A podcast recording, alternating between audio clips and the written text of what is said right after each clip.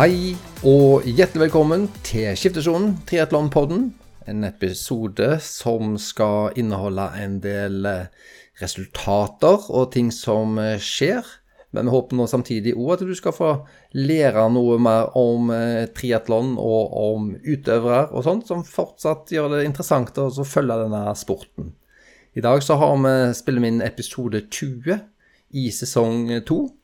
Og Da begynner det å bli litt eh, kontinuitet i, i denne sesongen òg, og det er ennå en god stund igjen av sesongen. Det er mye gøy som skal skje, og det kommer sikkert til å komme litt inn på. Mens vi sitter og spiller inn nå, så Jeg sitter jo her med eller Mikael har han på, på andre linja. Vi sitter og følger med på en sending fra Ironman Frankfurt. Og Mikael, først eh, velkommen eh, inn. Og punkt to, hva fikk du nettopp en telefon om? Jeg fikk nettopp eh, telefon fra støtteapparatet i Frankfurt som eh, ja, sa at Kasper ga seg. Det var vel ikke så veldig overraskende med tanke på den utviklingen som eh, løpet hadde der de siste kilometerne for Kasper sin del. Um, ja, Han svømte jo greit i dag. Syns han kanskje ga litt mye gass i starten eh, for, å, for, å, være med, og så roet feltet seg litt. Grann, og så tapte han mye tid i skiftesonen. Et halvt minutt, faktisk. Var litt bekymret for at løpet var over allerede der for hans del, men så brukte han god tid på å komme seg opp igjen. Fryktelig dårlige kameravinkler, for eh, det er helt umulig å vite noen ting som helst annet enn det de som leder. Um, men han kom seg opp, eh, kjørte rutinert sånn sett. Kom seg litt opp i teten, til og med. Eh, så bra ut, men han hadde knekt eh, flaskeholderne sine. Så da manglet han jo næring. Han hadde jo planer om å bruke kun næring fra Morten-produkter som han skulle ha med seg, kjøre med mye væske. Monterte flaskeholder i går, det var faktisk sponsoren som monterte det, så kanskje gi Kasper skyld der. Um, så da blir jeg litt bekymret for til at det blir, eh, blir, for lite næring med på resten av konkurransen. Og ja, det kan jo se ut som at det er det som ble problemet til slutt. Han fikk jo plutselig ganske mye Ja, egentlig alt kom på likt. Kramper og mage og uh, do og næringstom. Um, så det var jo veldig kjedelig, men det er jo en litt sånn Ja, det var jo en, ikke en risiko, men det var jo en uh, det var ikke sikkert eller gitt at dette skulle gå, da. Eh, det, en, det var jo en liten omstilling etter OL å prøve å time dette. og Man har ikke så veldig god tid til å trene så veldig mye, samtidig som at man må tune over energisystemene sine og muskulært til en helt annen varighet og distanse. Um, så ja, det var et hederlig forsøk uh, både forberedelsesmessig og konkurransemessig, men uh, det var jo veldig kjedelig at det ikke gikk, da. Og det som ikke gikk, det var jo da at Kasper O forsøkte å kvalifisere seg til Ironman Kona den eh, på, på Hawaii. Ikonisk eh, som både nå eh, Gustav og Christian er kvalifisert til. Gustav kvalifiserte seg jo gjennom hans seier i verdensmesterskapet i NIS 70,3.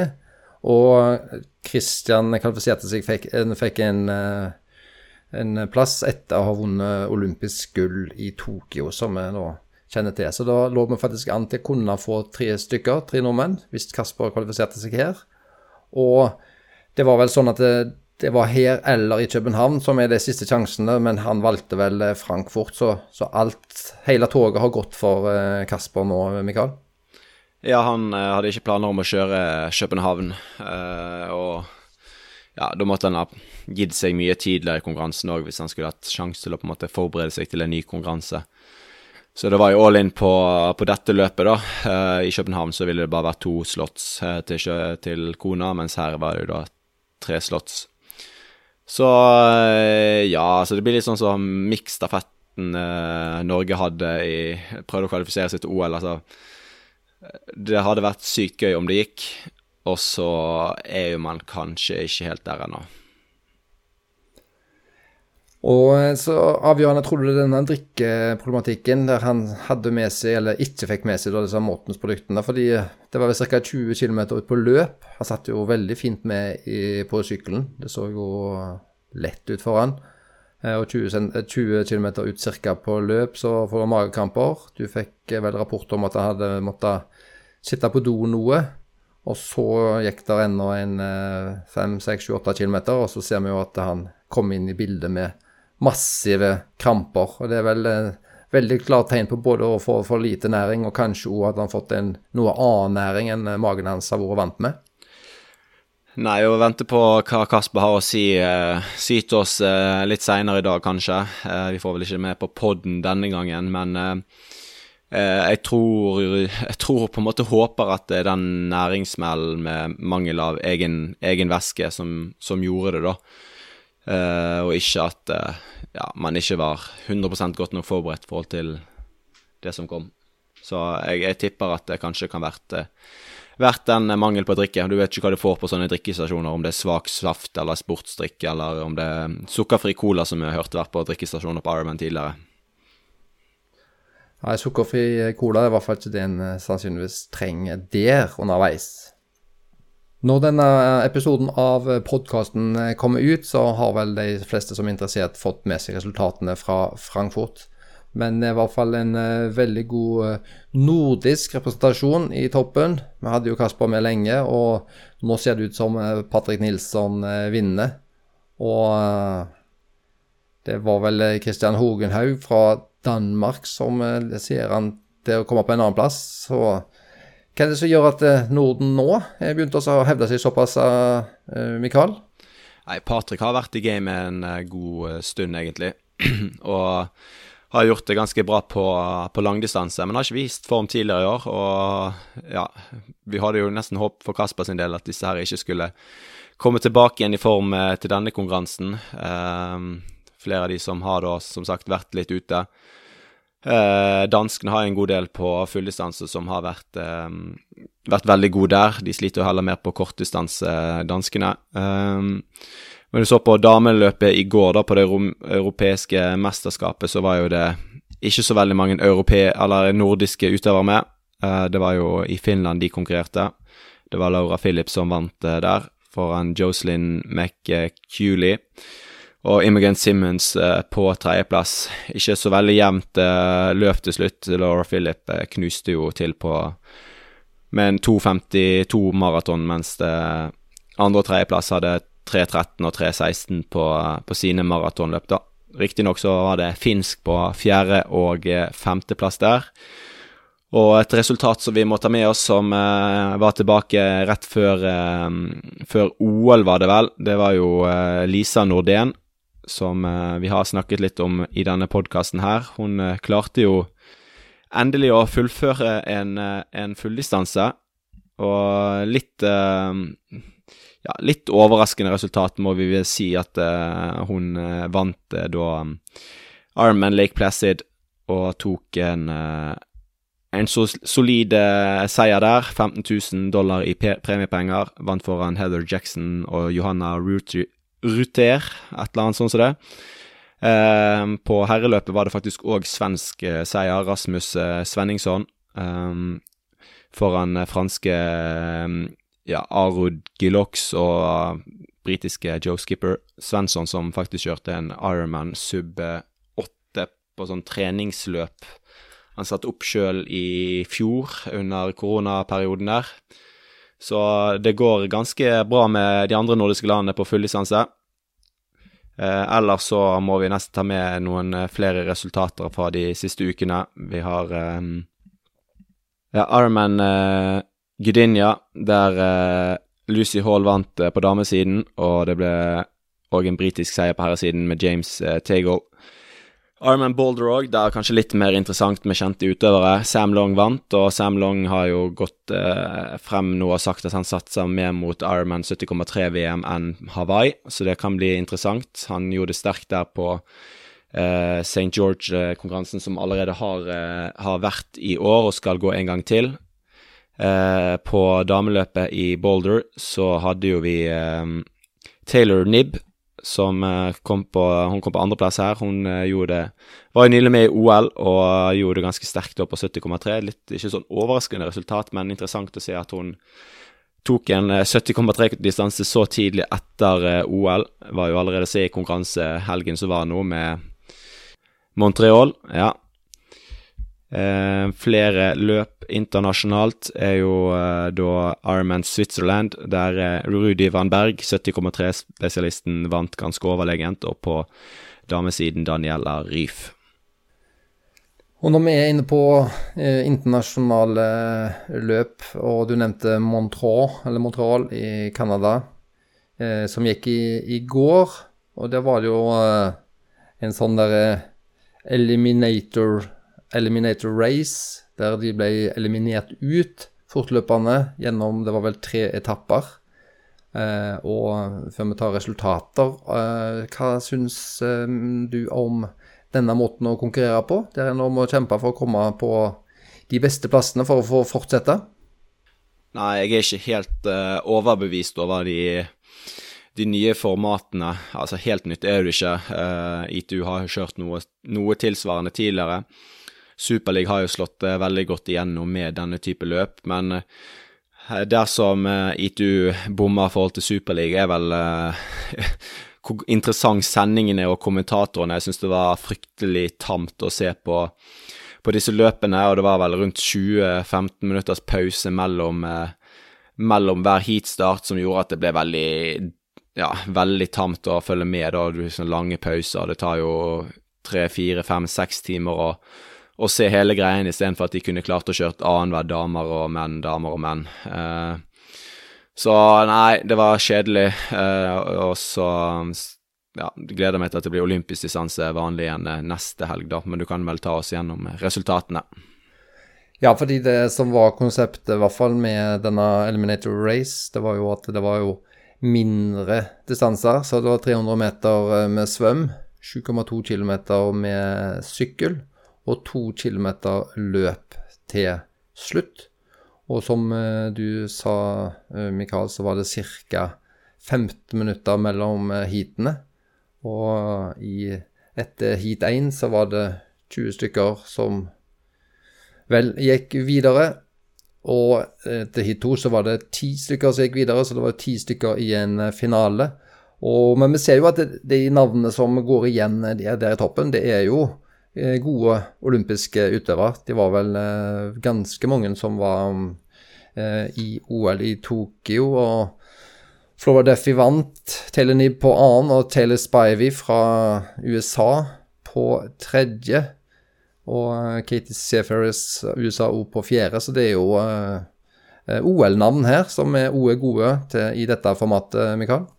Ja, nå gjorde ikke franskmennene så veldig godt eh, i OL på herresiden, da. Det er jo eh, de som kanskje er best på de korte distansene, som, eh, som var flinkest i Montreal der. Men det var jo kvalifiseringsløp dagen før òg, der de hadde klart å kvitte seg med ti utøvere på startlisten, og ellers så var det ganske ja, få gode med. Det var en god del sånn B-utøvere som hadde fått plass siden det var mange, mange av de andre stjernene som ikke stilte, sånn som Alexi og Christian og noen òg på damesiden, Georgia Taylor Brown. Eh, så det var liksom ikke helt stjernespekket felt, da. Så det blir forhåpentligvis litt bedre neste helg. Da er jo det et eh, rotterace forhold til det å få eh, VM-tittel. Um, det står jo mellom Christian og og LXI på herresiden, den som eh, vinner uh, ut av de to, eller kommer først i mål av de to, er den og den som tar VM-tittelen. Så Christian er jo veldig giret på, på, den, da. Hadde jo tenkt å kjøre det løpet etter løpet som går i Frankfurt i dag. Hadde jo vært spent på hvordan det hadde gått. heldigvis så slapp jo han, han det når han fikk den slåtten til, til Hawaii. Men uh, ja, vi får se hvordan det går med Christian. Dameløpet husker jeg vel ikke helt hvem som har uh, ledelsen på, um, så det får vi ta når det kommer. Men der var du så ivrig å snakke om uh, Christian. jeg har lyst til å hoppe tilbake til Montreux, da, for vi gikk jo aldri gjennom herrene. Og de var jo ikke så veldig B-prega, egentlig, fordi blant herrene så er det jo veldig mange av de som vi så i OL, som var med. minus uh, Alex Yi, som eh, kom på annenplass, og Christian uh, Blumenfeld, som kom på første, så var det jo Hayden Wild sitter jo kom ned på en sjetteplass i det formatet som vi snakker om. Og Martin van Riel fra Belgia, som var i OL, kom på, på fjerde. Men det som kanskje var mest ja, ikke overraskende, men imponerende, var jo at her slo jo Frankrike virkelig inn tilbake og kjørte en topp tre. Fra før av så er det vel bare Norge som har klart å tapetsere en palle i et VTCS-løp. og i dette tilfellet så klarte òg Frankrike å gjøre det med Dorian eh, Connings på første. Vincent Louis, som eh, har hørt eh, masse om tidligere, på andre. Og Leo Berger på eh, tredje. Og dette er jo egentlig et eh, sterke navn, Mikael. Ja, det, de, de, er jo sterke, men bak der så er jo det litt eh litt svakt, da. Ikke, uh, altså flere som ikke er de beste utøverne i, uh, i feltet. Nå ser jeg at det er jo Taylor, nei, Flora Duffy som leder ganske suverent på World Triathlon Championships-rankingen, så det er nok hun som kommer til å ta det ganske greit foran Taylor Spivey og Maya Kingma. Vi skal jo i denne episoden komme inn på en del om uh, Norseman. Vi har fått snakka med både kvinnelig vinner, Julie Aspesletten, og mannlig vinner av Norseman, Jon Breivoll. Vi har fått eh, deres tanker og eh, godt utbasunert eh, av eh, Jon spesielt. Han eh, fikk eh, masse han har lyst til å fortelle, så da er det et godt og langt intervju med Jon. Og et ganske langt med Julio, men ikke så langt. Ca. halvparten av Jon sitt. og så hadde vi nettopp i går Oslo Triatlon, der det var masse sterke landslagsutøvere, faktisk, som deltok. Så den skal vi komme inn på. Men før det, Mikael, så var det jo Vi har snakket noe om eh, doping før. Og det var Det måtte skje igjen, dessverre, òg innen triatlon. Og det var jo òg blant uh, utøvere som både var og skulle til Tokyo-OL. Uh, og på den eh, ei kvinne og en mann, og på den eh, kvinnelige eh, sida så var det Julia Jelistratova fra Ukraina. Og det er jo ei som har ligget og vært ganske god. Men kanskje mangla litt, men uh, hun har jo en del uh, resultater. Hva vet vi om henne? Eh, det er jo en utøver som nå sett i ettertid kanskje har holdt seg litt unna de største løpene. Gjort det ganske greit i World Cup og Europacup. Vunnet en del der. Um, og ja, det kommer vel frem at flere har jo mistenkt dette, mistenkt dette i flere år, og nå ble hun da tatt for eh, noe EPO-greier, var det ikke det? Um, og hadde en da en prøve da før hun reiste til OL som ble da testet eh, positivt. Eh, det var vel en utenom konkurransetest. Eh, vant jo et løp eh, tidligere år foran vår norske Solveig Løvseth. Eh, så litt eh, spent på om Solveig får da tildelt den seieren. Det hadde jo vært, vært fint for hennes del. Men Julia var jo i, i OL-landsbyen når dette kom frem, og ble jo da trukket fra startlisten. Ble observert av de norske utøverne der hun løper rundt om i OL-landsbyen som ingenting hadde skjedd, så det er jo egentlig bare trist, eh, hele opplegget. Julia fra Ukraina, det. Og så hadde vi vel én til sak. Det var jo eh, russisk utøver som eh, deltok. Eh, han deltok òg på Altså, han kom på 43.-plass i den individuelle starten blant herrene. Og laget Russland kom vel på 14.-plass i mixed relay. Det var Igor Poljanskij. Og han, har har drevet på lenge. Han har i hvert fall en bronsemedalje fra et uh, intervju Triathlon World Cup tilbake til 2012. Så han har jo hatt uh, noen resultater. Nå 31 år. Og det var òg EPO med han, så det er vel òg sannsynligvis slutten av hans karriere. Ja, det Jeg vil si det var nesten tristere med han. Han er jo en, eh, en litt mer karakter i, i triatlonmiljøet. Eh, har jo òg en bror som konkurrerer, og litt spent på hvordan eh, det kommer til å bli sett på forhold til for han fremover, for han er jo da ikke tatt, hvis vi skal bare dra noen litt lette konklusjoner der. Så det er egentlig bare fryktelig trist at folk driver med dette og blir tatt. Igor, da, som har vært med i veldig mange år og har vel kjørt Jeg tror det var sitt tredje OL han var med i nå, faktisk. Og ble vel tatt i en prøve etter OL, hvis jeg ikke husker helt feil. Ja, i dette her var det en utenom konkurransetest den 21. juli. Så det var vel da i, i forkant at denne testen ble tatt. Men eh, resultatet har vel ikke kommet eh, klart før eh, etterpå. Ja, venter vel på B-prøven skal bli, bli, analysert. Spent på hva han kommer til å, å si i forhold til dette. Nei, det er i hvert fall trist sorti for uh, sporten. Uh, for sport generelt, egentlig. Men vi håper jo å holde det utenfor triatlon, i hvert fall. Men det er, helt, uh, det er ikke helt slutt med folk som ønsker å velge noen snarveier. Snarveier kan vel ikke si at de har valgt, de som eh, deltok og gjennomførte Norseman, som gikk av stabelen her for eh, ei ukes tid siden, i forhold til når vi spiller inn eh, denne her. Og det var Det har vel alltid vært en ekstrem eh, triatlon, men det var jo i hvert fall ikke noe mindre ekstremt i år, Mikael? Nei, jeg så jo bare litt sporadisk innom eh, video og sendinger og, og, meldinger med folk som var der, og det var jo dårlig vær. det var mye, mye vind spesielt. Eh, det har vel aldri vært så mye motvind i løpet av syklingen som denne gangen. Temperaturen i sjøen var jo grei, sies det, eh, men mye bølger, bølger var det, og det ble store store forskjeller eh, i bølgene. Ryktes òg at de måtte ut i vannet 15 minutter før start, for fergen ikke kom da nærme nok, eh, nærme nok land. Eh, men resultatet på, på, egentlig både herre- og damesiden ble vel litt sånn som vi hadde trodd. Eh, Jon Breivoll tok dette her. Eh, jeg hadde jo forventet at han skulle ta rekord, men det er jo forståelig at det ikke gikk med det vindforholdet som var. og Gjerne òg eh, forhold til eh, regn og temperatur på siste del av, eh, av løpingen. Um, men jeg syns Christian Grue holdt godt unna på sykkel veldig lenge. Sa vel at han kanskje kjørte litt for hardt i starten der. Det er jo vanskelig å holde igjen når det går såpass sakte i motvind i motbakke. Men jeg syns han gjorde en, en bra figur.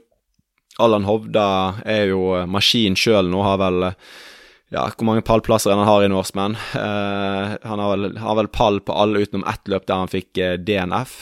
Så seks pall, tror jeg. Um, så kudos til Allan. Han er, han er rutinert når det gjelder Norseman, og det er ikke så fryktelig lenge siden han kjørte denne 24-timers-konkurransen uh, sin, eller rekordforsøket. Så han vet å, å toppe til, til Norseman.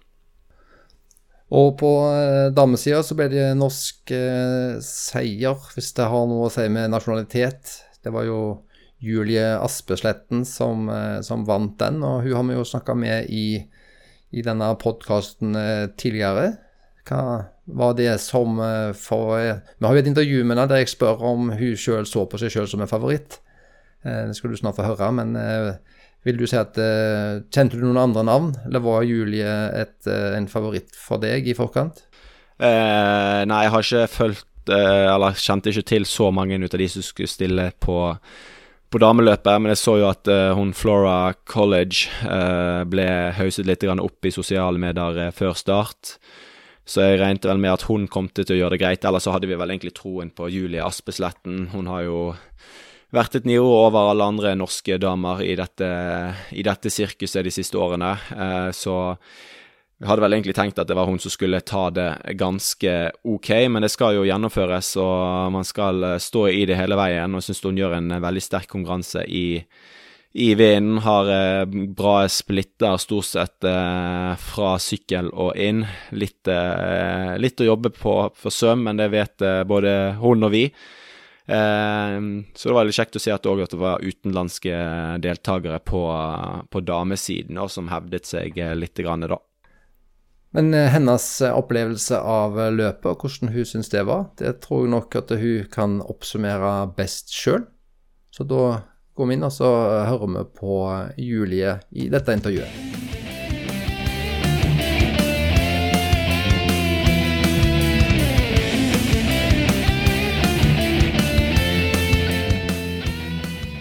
Da har vi Julie Aspesletten med oss på telefon over nett. Og Julie Aspesletten, vinner av kvinneklassen Norseman i 2021.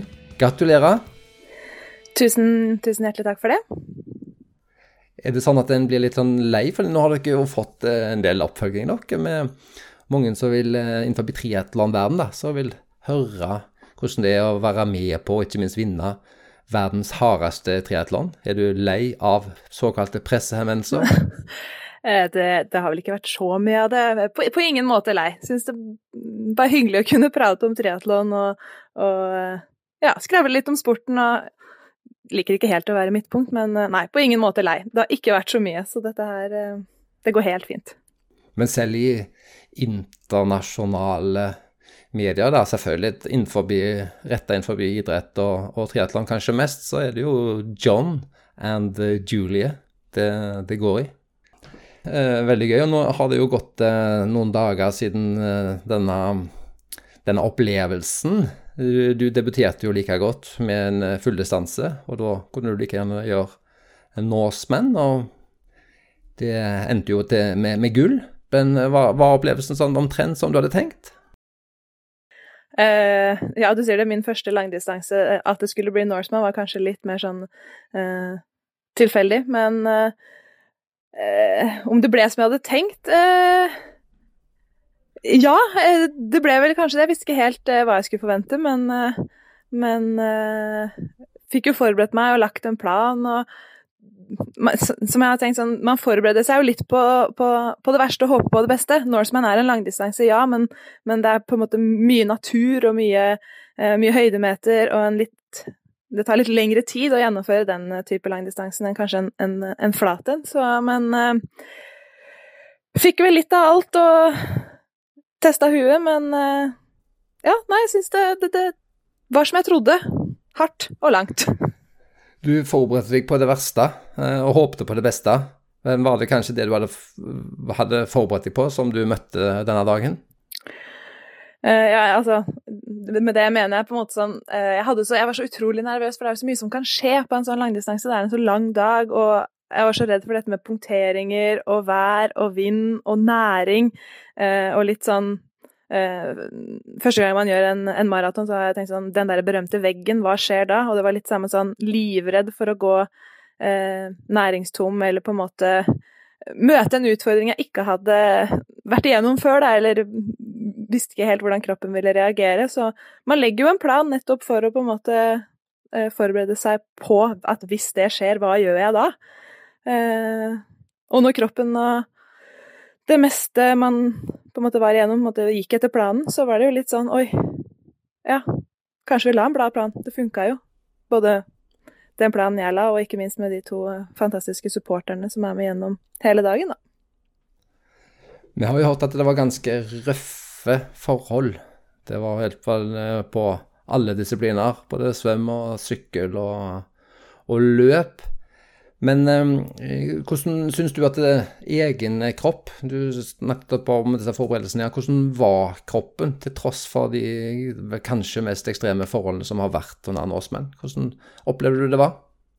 Uh, ja, nå har vi jo hørt at eh, de fleste sier det var eh, Eller det var tøffe forhold, men eh, enhver, eller den konkurransen får vel sitt type ekstremhet hvert eneste år, da, og jeg hadde ikke noe å sammenligne med, det var jo min første gang der, så ja, det var veldig tøff sjø og veldig, veldig mye vind, men eh, den var venta, ja, den var jo meldt, så jeg visste jo på en måte litt hva som, hva som kom på vidda, men den svømmen, den eh, syns jeg ble veldig, veldig, veldig, veldig tøff. Selv om kroppen var, eh, var bra. Jeg hadde jo hatt uh, mye bra hvile inn mot uh, konkurransen og følte meg egentlig ganske sånn klar for å, for å, konkurrere, så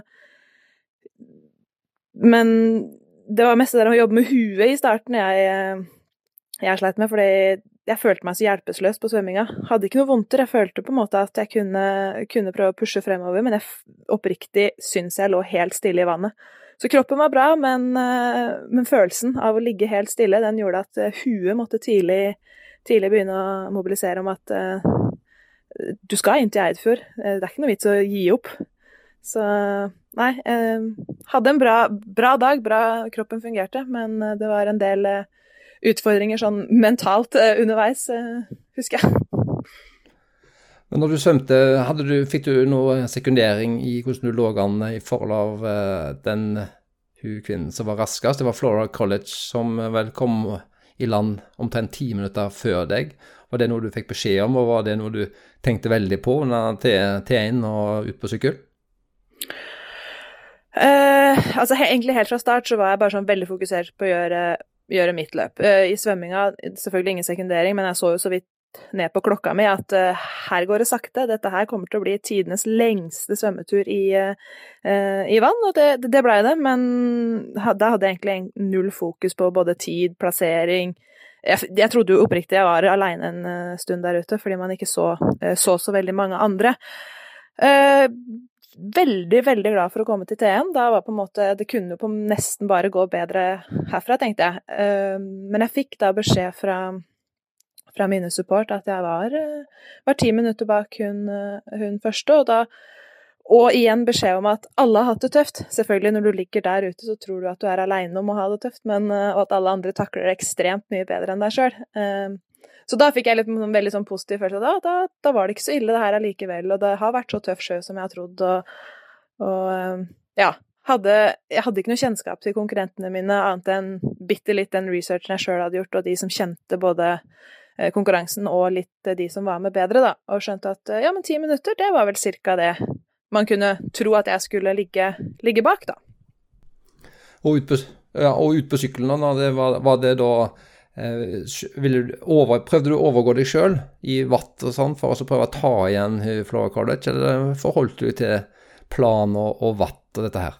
Uh, nei, på ingen måte. Det, det hadde jeg liksom fått innprinta mange ganger kvelden før, både av trener og av uh, Christian og Markus, som var mine støtteapparat, at uh, du skal kjøre kontrollert i bakken, du skal spise.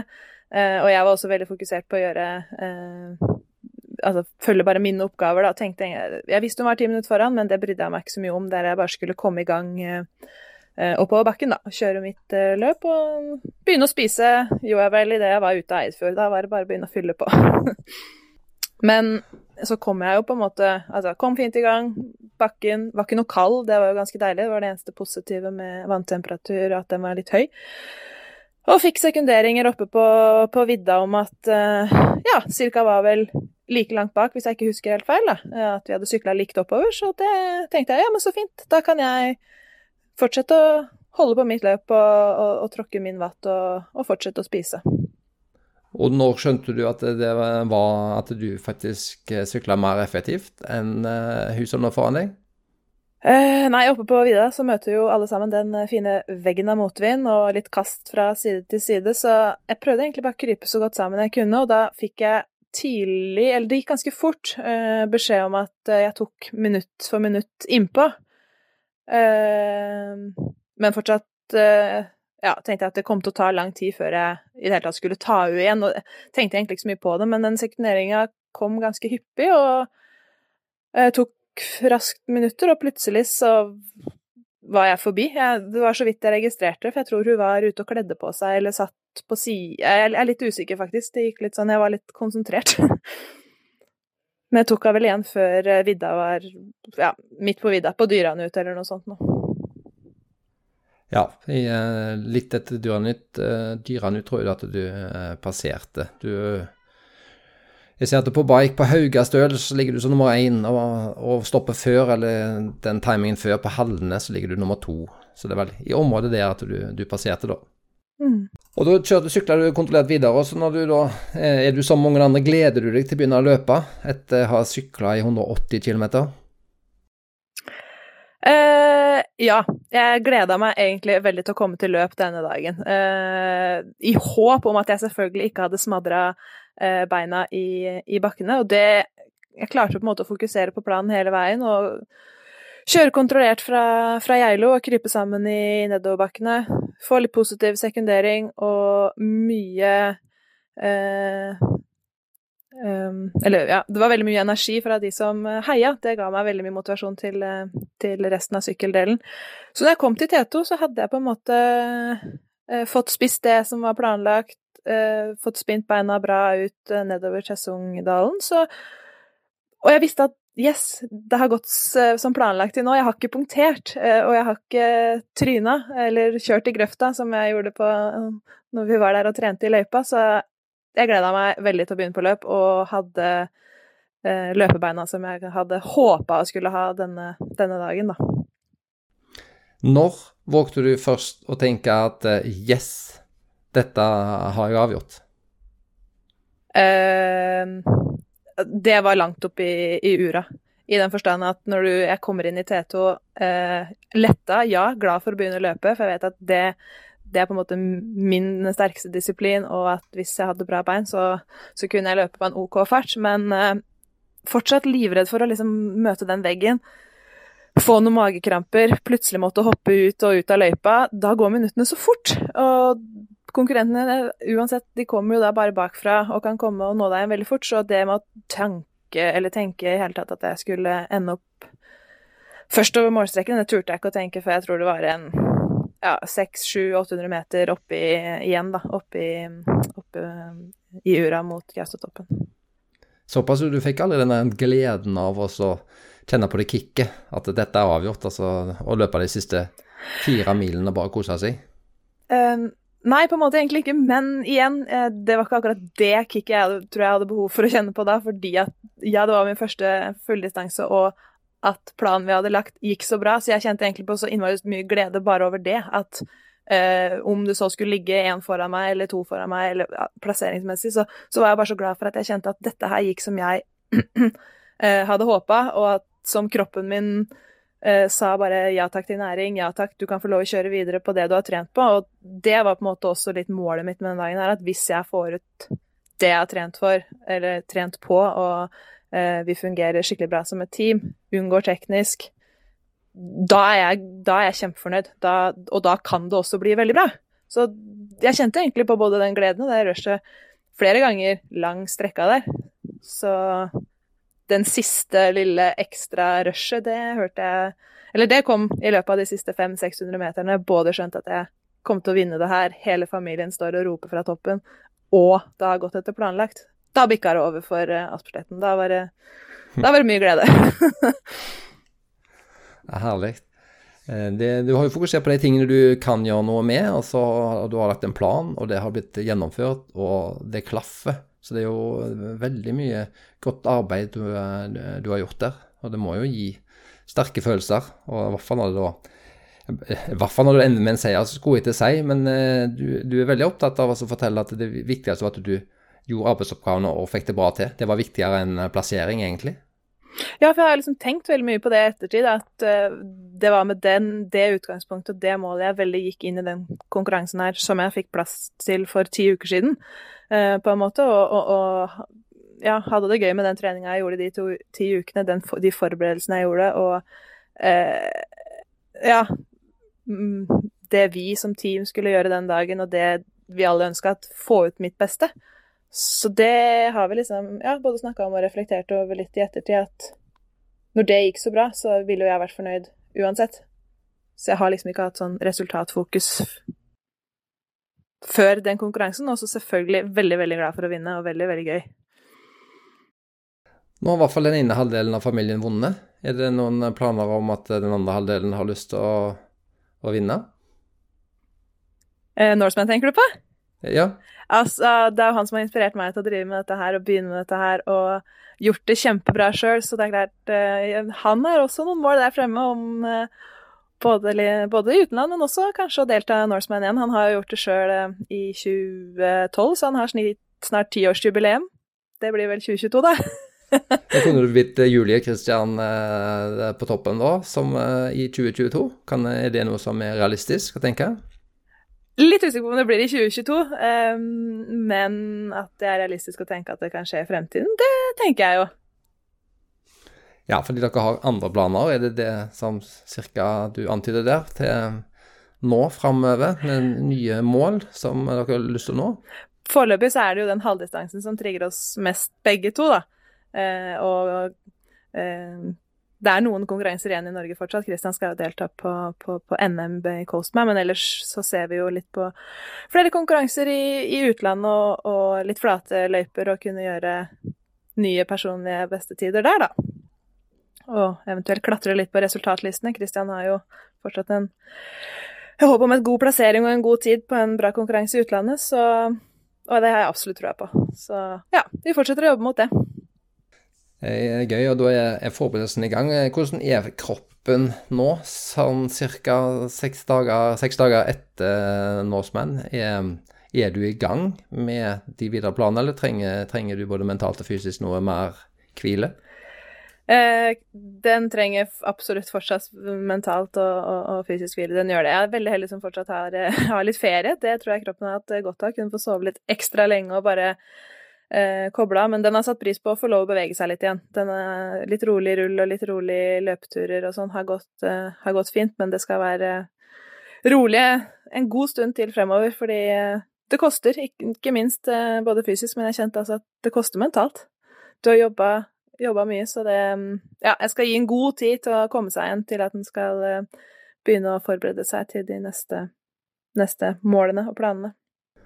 Til eventuelt andre som uh, har gjort større sånne påkjenninger, så mye vil du si at mye tid vil du bruke, tror du? Snakker vi et ukeår, eller snakker vi en eh, måned her, før du føler at du er helt klar igjen til å begynne? Eh, sånn utgangspunktet kanskje sånn har tenkt å gi sånn i hvert fall, hvert fall to uker med rolig trening, og så gradvis kanskje komme i gang igjen. Jeg om jeg ikke hadde gjort en langdistanse før, så har jeg på en måte Jeg har noen ultraløp litt uh, friskt i minne som, uh, som uh, Der det bare er løping og en annen større påkjenning for beina som jeg brukte Altså kjente meg veldig mye vondere i kroppen enn akkurat etter at jeg var ferdig med denne konkurransen. og ja, sånn sammenligna litt med restitusjonssted og sånn, da, så håper jeg at kroppen skal være sånn noenlunde i gang eh, ja, innen et par-tre uker, da. Og eh, siste spørsmål jeg vil stille, var når du sto på startstreken eh, Du hadde gjort forberedelsene og, og, alt sånt, du hadde gjort noe research. Eh, du var nervøs for alt som kunne gå galt, men i ditt hode, var du favoritt når du sto på båten? På ingen måte. På ingen måte. Det, det var ikke noe jeg tenkte på i det hele tatt. Jeg eh, Som sagt, jeg hadde mine tanker om mitt mål, men av de som kjente konkurransen og hadde gjort litt mer research på konkurrentene mine enn jeg gjorde, visste at hvis du får ut dagen din, Julie, så kan du komme på pallen. Så at jeg kanskje var en av de, no, noen av de som kjenner meg, tenkte på som Ja, kall det en favoritt, da, til å være litt der oppe. Eh, det hadde nok de som tanker, men jeg følte meg ikke som noe, eller tenkte ikke på meg sjøl som noe favoritt eh, i det hele tatt. Nei, vi vil i hvert fall gratulere at du fikk ut det beste. Og du har gjort sånn som Kristian i Joel og Karsten Warholm, Jon Breivoll. Altså, dere har eh, for, for, å sammenligne noen storheter, så har dere levd opp til et favorittstempel. Dere har levert, og dere har fått ut det beste når det gjaldt. Og dere har vunnet. Julie, gratulerer så masse med seieren i Norseman 2021. Tusen takk. Tusen takk.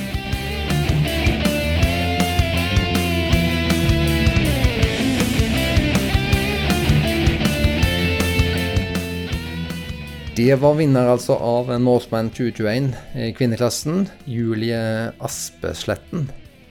Og eh, vi har jo tidligere prøvd å eh, få til en eh, konkurranse i eh, NM langdistanse, altså Coastman som skal være mellom eh, Julie her og ei eh, Martine Hoaas, som nå bor i Danmark. Men nå forsto det sånn på Julie her at eh, pga. denne her pandemien og sånn farge på Danmark eller noe sånt, så ser det ut som vi ikke får den konkurransen mellom Martine og Julie, men hun Julie hadde hatt veldig lyst å, å stille opp eh, på, på, noe sånt.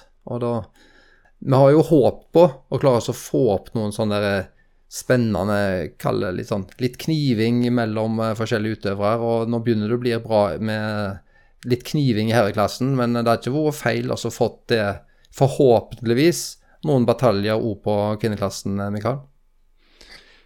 Nei, de må, eh, de må litt opp i nivået hele gjengen og tørre å, å satse, satse. Så den beste måten på å få en reality check er jo i konkurranse og tørre å stille opp. Så det er ikke feil, det. En som vågte å stille opp, og som eh, tidlig gikk ut eh, og sa at han skulle kjøre Norseman. Det var en som nettopp starta med Mer eller mindre nettopp starta med triatlon. Og uh, ingen hadde hørt om han før han vant uh, Ironman uh, Tallinn for et års tid siden. Men tok han jo inn i podkasten, og etterpå så har vi hørt fra, eller om, Jon Breivoll flere ganger. Både en løp, NM, halvmaraton med gode tider, og kjørte halvfet og sånn. Og du, Mikael, han, du har jo lansert han som en Du hadde lansert han som en klar favoritt til Norseman. Og han eh, sa til meg eh, før dette intervjuet at eh, han hadde kjent litt på, på, på det presset du hadde sagt, sagt, det sånn. Og hva var grunnen til at du mente på at Jon var en såpass klar favoritt? Eh, nei, han eh, har jo Strava-bruker eh, og legger mye ut der. og ut ifra det så var det jo ganske enkelt å se at dette her er et nivå over, over egentlig alle andre som har kjørt tidligere. Kristian Grue er vel litt mer kryptisk i sine tilbakemeldinger i forhold til trening, og vi så jo òg på det halvfet at, at Jon var bra, og jeg så vel ikke for meg at Grue kom til å til å kunne heve seg såpass mye, selv om treningskameraten sa at det var norskmenn som var målet for Grue. Så uh, ja, jeg så på Jon som favoritt, med mindre et eller annet gale skjedde da, og det, det gjorde det ikke. Men vi vet jo at Jon er jo tidligere syklist og er spesielt sterk på, på sykkel.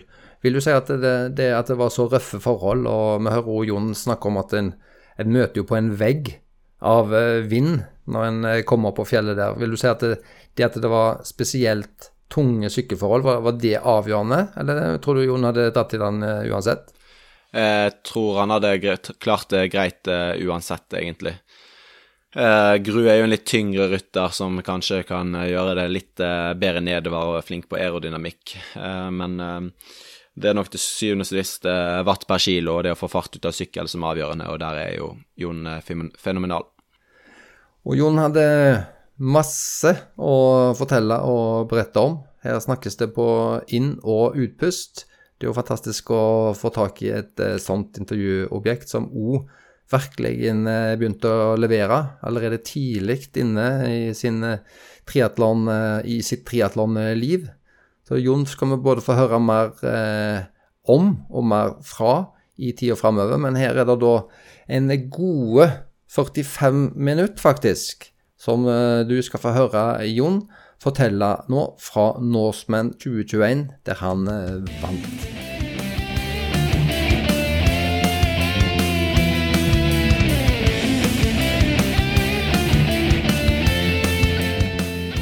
Hei, Jon. Jon Breivoll. Hei sann. Takk for sist, og grattis med Norseman. Jo, tusen takk for det. Dette her, Nå har vi jo eh, akkurat fått deg på lyd her, fordi at vi starta jo med å finne mute og unmute-knappen på telefonen din. Og jeg skjønner at ja. Eh, du har brukt mer tid på trening enn på NTNU i Trondheim det siste året? Ja, det stemmer det. Det har jo vært eh, videoforelesninger, så jeg burde ha klart å finne fram til den knappen der. Men ja, det har blitt mer tid til trening. Jeg skal, kan bekrefte det. det tror jeg på. Ja, det var jo vanvittig gøy å, å se den Norseman eh, og, og, følge tracken, for det var det som var for, eh, for min del, eh, i hvert fall. Men vi skal jo eh, snakke om eh, det løpet, naturligvis. Eh, det er det, det, det, vi gjør her. Men um, jeg føler jo allikevel at nå er, jo, nå er det mandag. Det har gått litt tid. Og jeg må spørre, mm. hva føler du nå? Og da tenker jeg på fysisk. Fordi det var vel en eh, svømmetrening nå som du droppa? Ja, det stemmer det. Det er ikke helt på plass ennå, jeg merker det.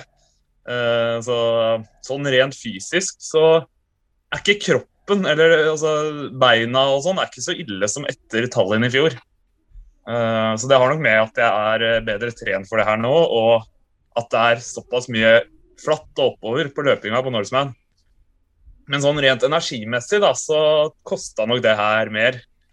Så det er en sånn hangover ganger ti-følelse jeg har nå i dag. Litt sånn der Jeg nesten lurer på om er man syk, eller begynner å kjenne litt på det. Og da har det vært litt sånn, søvnunderskudd òg de siste dagene. Jeg har vel sovet i ti timer de to siste nettene. Sånn fem timer natta uh, før Norseman, og så fem timer natta etter, for da, da ville ikke kroppen Da var det ikke så lett å sove. Så, så det, det kjenner man jo. Så, Men så Mm. nært som du er å være en uh, toppidrettsutøver nå, så er det vel ikke champagne og sprudlevann som gjør at du har en hangover-følelse? Det er vel sikkert å søvnnorske det? Ja, jeg, det er nok det. Det ble ikke sånn enorm feiring uh, etterpå. Det var en liten uh, det var en middagsbuffé på Gaustablikk hotell her, men det tok ikke helt av. Det er liksom, Jeg tror ikke det er gjengen du fester med, liksom de som akkurat har kommet i mål på Gaustatoppen. Så- Nei, det er nok en del men... slitne folk og som har fått den euforien de trenger den dagen. Mye inntrykk. Ja, det er jo den beste rusen man kan få, det spør du meg i hvert fall. Så man, det er ikke rart man blir hangover etter det. Ja, det har jeg veldig tro på. Det har jeg veldig tro på. Men du, eh, Jon, eh, vi har jo eh, forstått at det var jo røffe forhold. Jeg har hørt at det var De vurderte jo lenge om de skulle starte, eller om de skulle gjøre noen alternativer på svømmingen. og eh, Det var jo tøffe forhold over fjellene. Det var tøffe forhold opp til Gaustatoppen. Fortell hvordan denne dagen var for, eh, for deg. Nei, det, det, det starta jo tidlig, da. Var opp klokka to på natta. Og det var jo litt sånn Vi har jo egentlig gjort litt som, eh, som de gjorde før avreise i Tokyo, med, med tidsakklimatisering i forkant. For det er jo Ja. Det hadde jo blitt som å starte klokka ni da, i Tokyo. Eller i hvert fall stå opp klokka ni. Så det blir jo litt alle à la det samme. da, Litt eh, den samme følelsen. Så prøvde å snu døgnet litt i forkant. og ja, Vi så jo også på værmeldingene der eh, at det- var meldt eh, temmelig mye vind. Eh, Så jeg var litt sånn Jeg synes det var litt rart, for jeg hørte ikke noe om At det var ikke noe snakk på forhånd da, om at eh, de kanskje vurderte å, å kutte ned eller noe sånt. da. For det var jo på forhånd meldt altså Over dyrene ut der var det meldt 15 meter per sekund på det verste, og, og godt over 20 meter per sekund i kastene. Og det, det er ganske skummelt det for folk som sykler over der på temposykkel og, og platehjul. Uh, så det, akkurat det du sa nå, visste jeg faktisk ikke, at de vurderte å korte ned Var det svømmingen? Ja, de hadde, jeg bare leste en sånn en eh, race brief eller sånn en eh, på Facebook fra Norseman nå, og der, der var de inne og de vurderte De hadde et alternativ, eh, Ok. men eh, jeg, vet ikke så, jeg vet ikke så nærme de var å, å gjøre et alternativ, altså. Fordi eh, de, de så det jo an, og de hadde, veldig, de hadde jo forberedt seg godt, sto der. De hadde gode folk på kajakk, de hadde et godt medisinsk apparat. og så, så de, Det var jo mye pga. de gode forberedelsene som gjorde at de jo valgte å visste at de kunne gjennomføre det, heller enn altså, Det var ikke bare flaks, det var rett og slett gode forberedelser som gjorde at de kunne sette i gang, selv om det var røffe forhold. Mm. Ja, og de har jo gjort det her mange ganger før, og det merka jeg. Så ja. De, de gjorde det meste rett, vil jeg si. Det var et veldig bra arrangement. Så det er ekstremt imponerende hvordan de får til, får til det der med egentlig ganske lite ressurser, da. Sånn med tanke på at det er et eh, lite løp. Eh, og det er mye, mye god frivillig arbeid som ligger bak der. Eh, men eh, ja, jeg hadde vel egentlig bare fokus på, på planen min. Eh, Jeg tenkte ikke så mye på forholdene, for det kunne man ikke gjøre noe med. Og svømminga var jo røff, men altså Ja. Det, det var fullt gjennomførbart, da, bare at det ble litt dårlige tider, så klart. Mm. Og vi sto jo altså Etter at vi har hoppa ut i vannet der, så sto vi jo stille ikke sant, på den der, langs de der kajakkene og venter på at starten skal komme i gang. Og da var det Altså, de aller fleste dreiv framover. For det er jo det som er vanlig i Norseman, er det jeg har hørt, da, at det, tidevannet snur, og så blir det medstrøms. Men samtidig så slo bølgene mot oss, da. Så, så jeg trodde jo kanskje at det, det kan bli en rask svømming for det. Men jeg følte jeg var uti det vannet der i evigheter og aldri kom fram. da, og Begynte å lure på om jeg har jeg svømt feil nå.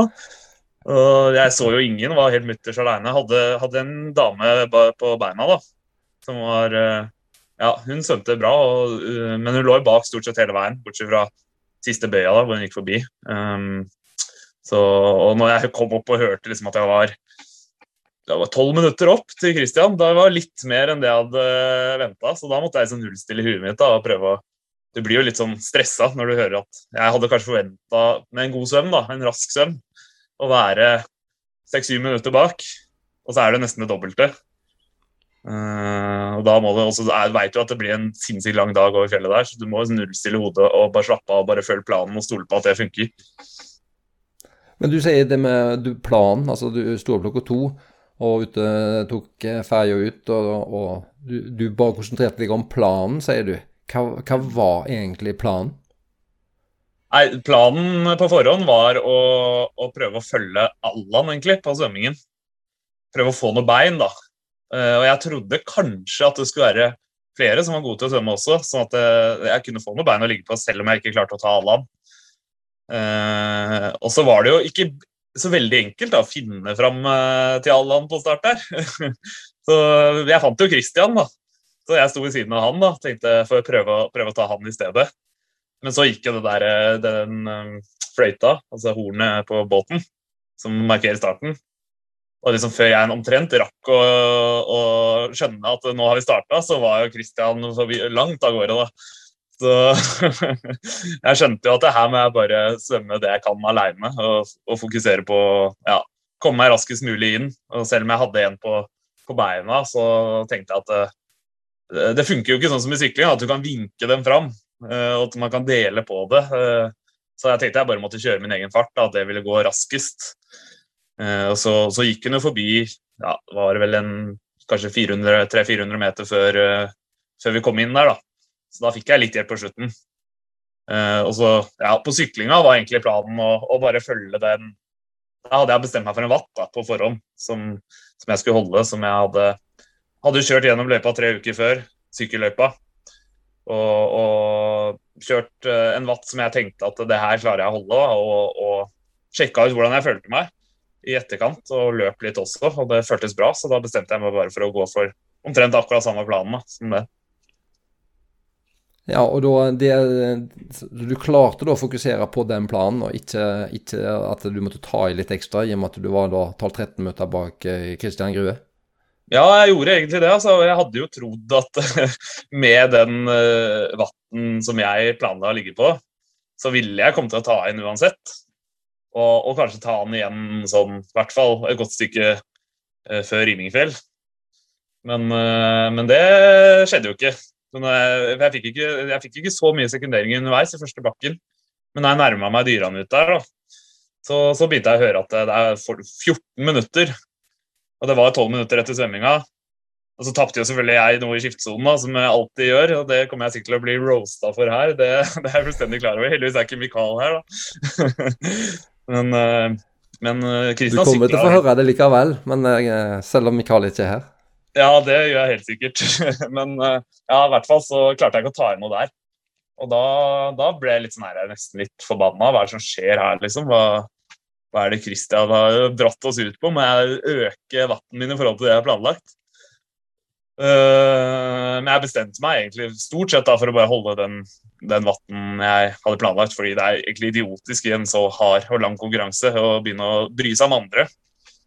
Uh, og etter hvert da, så Jeg regna kanskje med at han kom til å bli sliten, og det skjedde jo. Så, så jeg klarte jo å ta han igjen da, etter hvert. Uh, etter et lite magedrag opp Imingfjell.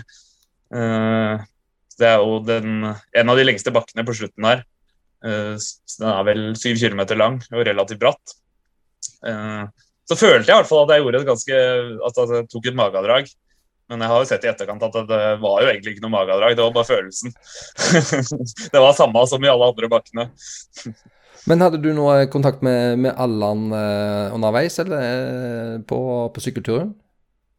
Ja, altså jeg sykla jo forbi han Det var vel i bakken opp fra Skurdalen. Altså bakken etter Kikkut. Uh, så han holdt jo også avstanden min i starten der. Rundt syv minutter, var det vel. Uh, og så begynte jeg å ta inn over vidda og hørte at det var nede i fem og så to minutter. Og så det, holdt det seg rundt to minutter. Og så begynte jeg å spise innpå i bakkene der etter Geilo.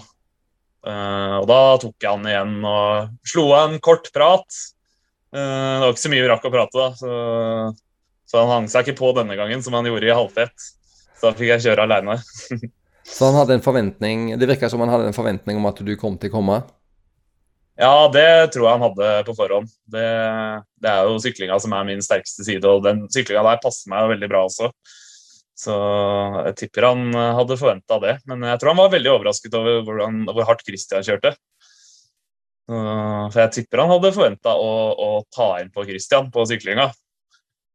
Så, men jeg tror Christian hadde en veldig bra dag, i hvert fall på syklinga. da. Så han fikk det jo litt tøft på slutten, men, men det var Ja. Den syklinga hans var vanvittig sterk. og Spesielt han, han er jo kanskje ikke spesialist i bakker. Så det at han holdt så lenge på den syklinga, det imponerte meg stort. Ja, det var bra. Eh, jeg så jo bilder av deg, og du hadde jo tydeligvis tatt hensyn til disse vindforholdene som du hadde sett på værmeldingen. Det var jo eh, Det var jo ikke noe høyprofilerte karbonhjul, hjulsett du kjørte med. Var det, var det et bevisst valg? Altså sånn, Bytta du hjulsett pga. værforholdene, eller var det oppsettet du egentlig uansett hadde kjørt med? Nei, det var et valg jeg tok kvelden før. Planen var egentlig å kjøre 95 mm foran og platehjul bak. Det var det jeg gjorde på gjennomkjøringen tre uker i forkant. Og da var det, da var det jo medvind. Fem-seks meter per sekund, kanskje opp mot ti i kastene. Eh, medvind, og så var det jo side med noen ganger nedover dyrene ut. Og da kjente jeg at det, det dro godt. Da.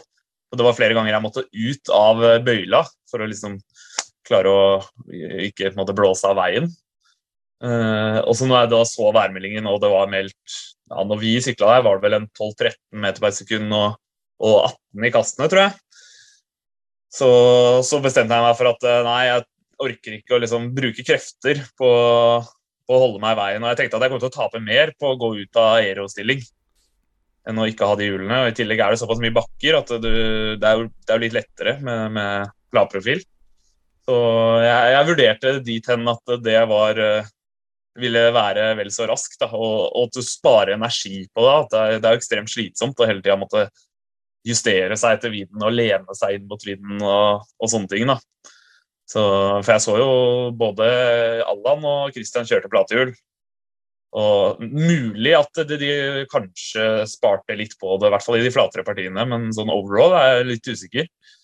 Uh, og jeg angrer i hvert fall ikke på valget i etterkant. Jeg eh, snakka med noen underveis som, eh, på sånn Messenger-videolink. Eh, og Så de filma framover. Og da, da, husker jeg ikke hvem det var. Det var noen, en som var sånn ca. åttendeplass eller noe sånt. For det var jo, det var jo et det var jo et lite avstand mellom de, de, dere første der og mm. en neste, neste, gjeng. Så lå de bak, og da, det var en som sykla med platehjul og sikkert noe sånn 80-profil eh, foran og sånt. Og han trengte hele veibanen, for å si det sånn. Så det så jo ja. sånn litt skummelt ut. Og han eh, sjåføren eh, kjørte jo bil i sånn 75-80 og bare ja. lå bak der. Og så, mm. ja, vedkommende brukte hele veibanen, men han så noe, så noe komfortabel ut sånn sett. Da. Men det er klart at du, du, du blir litt anspent og sikkert jækla fokusert på den nedkjøringen da. Du, ja, du, du, må bruke litt sånn, i hvert fall sånn mentalt sett da er det litt tøft, tenkte jeg. Og ja, Jeg er litt sånn usikker på akkurat det der med, med platehjul. For det er jo enkelte som hevder at platehjul i sidevind at det gir deg på en måte et løft framover. Uh, så det kan jo være det er raskere uansett, altså. Men uh, men eh, ja, jeg hørte jo også Allan var ganske mye fram og tilbake i veibanen. Det så ut som han hadde promille, sa de. Så det så, jeg, jeg, tenkte jo som så at eh, jeg sannsynligvis er sterkest på syklinga uansett. Altså, og, og, da ja, tenkte jeg at det er deilig å ha lavprofil og, og bare kunne konsentrere seg om å sykle. da. For det var aldri noe problem for min del med den vinden og noe kast og sånn. kjente jeg aldri noe til, så jeg lå nesten i aerostilling hele veien. jeg over vidda der. Og når du tok igjen Kristian eh, eh, var det på vei eh, ned Imingfjell, eller var det, var det, på, var det på toppen? Jeg tok han igjen, det var på vei ned, ja. Jeg begynte å se han så vidt uh, på den uh, der hvor det blir litt sånn For det er jo, du kommer jo opp over toppen, og så er det langt platå. Uh, og jeg hørte at det var seks minutter i bånn, og så var det tre minutter på toppen. Det var gode sekunderinger der, da. Også, men jeg hadde jo ikke regna med å ta med en Altså før kanskje inn i skiftsonen omtrent, da. Uh, når du har tre minutter der, for det er jo stort sett Ja, det går litt oppover, men, men relativt flatt da, og nedover. Men så fortsatte jeg bare å kjøre på, og så, og så plutselig så hører jeg at det er ett minutt noen kilometer oppi der. Og så ser jeg en kar der framme, da, og så ser jeg at jeg nærmer meg nesten eh, meter for meter. Så da, da, var det jo litt inspirerende å bare tråkke på og ta det siste lille. Så det siste minuttet tok jeg relativt raskt der. Og når jeg kom inn i utforkjøringen òg, så var det litt sånn våt asfalt, og, og, jeg kjørte litt raskere enn han der, da, så jeg fikk henta det siste der. Uh, og ja, men når jeg tok han igjen, da, så, så la han seg bare bak, og da, da går det jo bare sånn slakt nedover inntil skiftsonen, så da, da, var det vel egentlig bare for min del å prøve å klargjøre beina litt, da. Så jeg la meg foran, og så la han seg bak, og så holdt jeg sånn grei fart, men ikke noe som kosta noe særlig. Jeg tenkte der er det ikke noe liksom, Her kan jeg bare slite ut meg sjæl hvis jeg begynner å kjøre, tror jeg. Så ja, jeg regna med at det kom til å bli avgjort på løpinga. Det, det, gjorde du jo, men eh, når du da kommer som først inn i T2, Jon, og her kommer det Hva i alle dager er det som skjer? Fordi dette er jo ikke en dårlig skiftesone. Dette er jo langt, langt dårligere enn dårlig. Ja, det er jeg helt klar over, og jeg regner med at du sikkert har lest deg opp på hvilken plassering jeg har i skiftesonen også, eller? Nei, det er, det er jo egentlig bare, det er omtrent bare til å telle antall deltakere, det. Og så, og så setter jeg deg på bånn der, omtrent. Ja, det er vel det, faktisk.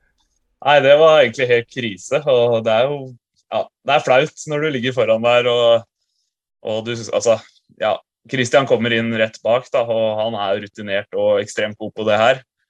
Og så har jeg supporten min inne i skiftsonen der, og så hører jeg bare faren min står bak. da, Han var som kjørte følgebilen. Ah, Christian er ute allerede! Og det var etter ti sekunder, da. Så jeg, jeg, jeg fatter nesten ikke at det er mulig. Det, selv om måte, jeg ikke hadde hatt noen problemer, som jeg jo gjorde. Jeg har en forklaring bak det her. Uh, så, så, hadde jeg ikke vært i det, så hadde jeg sikkert tatt et halvt minutt. da. Men uh, men unnskyldningen min er at uh, det var en taktisk blemme jeg gjorde uh, oppe i Imingefjell der. For da, da, hadde jeg hadde på meg hansker. Det hadde jeg tatt på meg over dyrene ut. Jeg begynte å fryse, og jeg sliter veldig med fingre. Jeg har vel noe sånn uh, hva heter det, Reynolds fenomen eller noe sånt, likfingre, som gjør at liksom, når jeg blir kald, så bare ja, Jeg kan sitte inne midt på sommeren og være kald på fingra. Det er null blodsirkulasjon. I hvert fall så følte jeg meg varm opp i Imingfjell, så da bestemte jeg meg for å kaste hanskene på toppen der. Tenkte at nå skal jeg hente siste lille på aerodynamikk eh, bortover her.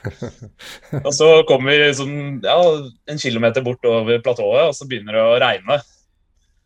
Og det blåser jo selvfølgelig ganske heftig over der òg. Jeg, jeg veit ikke hvor varmt det var, men åtte-ni grader kanskje. Uh, og det var ikke sånn at jeg merka at jeg var så veldig kald, men når jeg kom inn i skiftesonen etter nedkjøringen her, da, så så hadde jeg liksom ikke noen krefter igjen i fingra. Gripeenden er borte. Uh, og så har jeg alfafly uh, og, og, litt store føtter.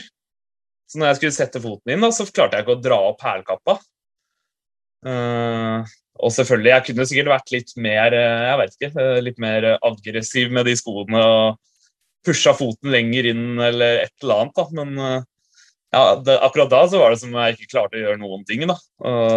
Klarte ikke å dra opp den der hælkappa som, som liksom dra den bak hælen.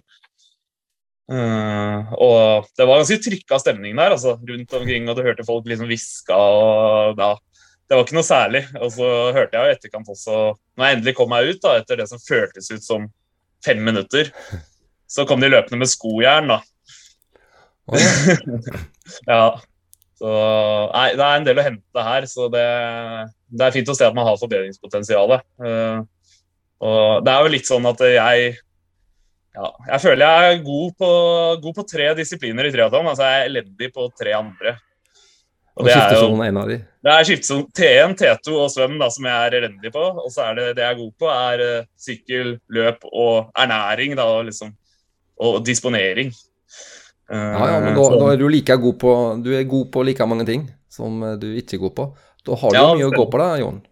Ja, det er litt å gå på, heldigvis. Jeg må bare liksom få meg selv til å faktisk trene på det. Da. har jeg skjønt. og det er ikke noe som, For noen det sikkert, ligger det sikkert naturlig at de er raske i huet og kropp når de kommer inn der og er dødsslitne. Uh, men for min del så, så, kommer ikke det så veldig naturlig, så jeg må bare trene på det og få det, liksom, den rutinen inn. da. Og så, I tillegg så skal det jo sies at uh, jeg var ikke så rutinert med liksom, Jeg har ikke vært med på Norseman før, og det er litt annerledes enn en Ironman, hvor du må gjøre alt selv. Så jeg gjorde jo egentlig det meste selv. Jeg fikk litt sånn hjelp med å, at uh, ja, kjæresten min, da, som var support, ga meg, ga meg ting. Mens uh, jeg så Christian bare slengte vekk sykkelen til supporten og løp inn og skifta sko og var ute. Og fikk hjelp til vest og, og dra av seg våtdrakt og alt mulig sånn. Så ja. Det, det er jo sikkert ting jeg kunne gjort bedre i forberedelsene her, har jeg skjønt, da, eh, med sånne, med, med sånne ting. Men eh, det kommer jo litt med rutine òg. Jeg så en, Det var, ble lagt ut en video av deg vet, Jeg vet ikke om han sendte direkte eller om det var rett etterpå. Så jeg hadde ikke tenkt å være så veldig streng med deg, altså, for jeg så eh, hva som skjedde når du skulle ta på sko. Og faktisk eh, en liten stund der så flytta jeg på Altså, jeg sjekka dataforbindelsen min, for jeg trodde faktisk at det legga At, det, at det bildet var frosset. For du sto Det var bare ingen bevegelse. Du var tydeligvis så kald at du, sånn, det, det virket ikke som du prøvde å ta på skoene engang, for det var, det var, vel ingen krefter. Så jeg, jeg tenkte fader, eh, nå har jeg mista internettforbindelsen, tenkte jeg. Og sjekka Nei, nei, jeg har jo internett, jeg. Og så etter langt om lenge, så det kom det på en sko, ja. ja. og Kristian var jo langt på vei uh, ute i ja. Han var halvveis til uh, bakken, han omtrent da, så det Ja. Nei, det var, det var, en helt merkelig følelse. Liksom, uh, og Da begynte jeg å bli litt bekymra for at faen, hvordan skal det her gå på løpinga. da? Når du ikke klarer, engang klarer å ta på deg sko, liksom, da, da, er du kanskje mer sliten enn du tror. Men det var nok bare det at jeg hadde vært så kald da, og, og ja, ikke hadde merka det før jeg kom ned dit. Og hadde null krefter igjen i fingra. Men et lite øyeblikk så følte du det gikk fem minutter. Du gikk, kom vel ut uh, 1.06 av var den uh, på tracken som uh, slo inn, i hvert fall. Et mm. drøyt minutt bak Kristian. Og er du fortsatt der da, at du bare skal følge en plan, eller er du da stressa? Og hva tenker du å gjøre? Du har jo en maraton foran deg. Ja. Nei, da var det nok litt overtenning ut fra sluttsonen der, altså. Men Eh, for jeg hadde en plan om å legge meg på rundt 3,50 ut fra start. 3,50 fart. Eh, og det er jo egentlig sånn sett i etterkant da, kanskje litt vel ambisiøst, det òg. Eh, for det er vel, jeg vet ikke, 3,50 hva det gir Det er vel rundt 2,40 kanskje på maraton. Uh, flatt, ja, altså hvis, ja, hvis, du holder det, så er det Det er ikke noe synd det er flatt eller oppover, da, men, uh, men, du klarer jo ikke det i Northland selvfølgelig hele veien. Men, men uh, ja, rundt 2,40, og det, det, er jo det mange av de beste løper på. de beste i verden. Det var vel rundt det Jan Frodeno hadde da han satte verdensrekord. Så, så det er litt voldsomt, det òg. Men jeg starta jo på rundt 3,40 da, ut fra skiftesonen der. Men det, det var egentlig Jeg følte meg sinnssykt bra. Så var, Jeg løp egentlig bare på følelse i starten, og så så jeg det på klokka. Så gikk det fort, og pulsen var fin og lavere enn på sykkelen. Og... Så det var liksom, tenkte jeg at fader heller, det her er jo Jeg begynte å lure på om klokka var feil da, til å begynne med. At det var liksom noe GPS-bug. Eh, men det, det, lå på rundt sånn 3,45 da, eh, første ti kilometerne. Passerte vel 10 km på 37,30. Så, så, det gikk ganske radig ut derfra, og litt raskere enn planen. Og det fikk jeg jo si for etter hvert. Sånn, det var ikke negativ splitt der, selv om det, det går ikke når som helst uansett med den bakken. Men sånn, ja, uansett hadde det vært flatt, da, så hadde det blitt ganske positiv splitt. Men uh, jeg har jo skjønt at det er litt av greia i Norseman. At det, det, er sånn folk gjør det løpet. Og jeg vet ikke om det er den beste måten å gjøre det på, egentlig. Så jeg følte jo litt i etterkant da, at uh, det her burde jeg gjort på en helt annen måte. og egentlig bare, ja, I hvert fall i og med at det uh, nå ble fem og en halv time nesten på sykkelen, i stedet for fire, fire og en halv eller uh, ja, 4,50, som jeg kanskje hadde regna med under normale forhold. Uh, og det tar jo litt på, den ekstra 50 minuttene ekstra der, da. Men når du eh, passerer Kristian, er det noe Føler du at han har eh, kapitulert, eller er du fortsatt veldig spent på det tidspunktet? Uh, nei, jeg, jeg, ser jo at jeg har litt høyere fart enn han. Uh, men jeg er fortsatt veldig spent da, altså, fordi ja, Christian er jo på en måte, han har jo holdt på, vært i det gamet her noen år. da, og, og Jeg regna med at også han hadde en plan på forhånd. Uh, så det var ikke sånn at jeg var helt sikker på at jeg kom til å løpe fra han da. Uh, men jeg merka jo fort at han, han, prøvde ikke engang å, å følge, da, og virka litt Jeg ville jo trodd at han, han, skulle prøve å henge seg på. Men, men ja, han ga seg på en måte Det var ikke så veldig mye vi løp sammen før jeg begynte å løpe fra. Og så var det litt sånn fram og tilbake fordi jeg måtte late vannet. Uh, så det klarer Eller ja, det, det, er vanskelig å gjøre underveis da, når man løper. Uh, sånn Det er vel noen som klarer å, gjøre det på en måte i, i drakta, men men det, det var, da, må jeg, da må jeg holdt meg veldig lenge på forhånd, så, så, jeg bestemte meg bare for å stoppe da. Men jeg hadde en grei luke og merka at jeg hadde bedre fart. Og egentlig følte meg veldig bra, da. Så da, da begynte jeg å skjønne at det her kunne gå veien. Men det var uansett en nødvendighet, for jeg merka at jeg løp mye dårligere eh, før jeg stoppa å tisse. Og så når jeg begynte å løpe igjen etterpå, så var det som om jeg var et nytt menneske. Gjenfødt på nytt.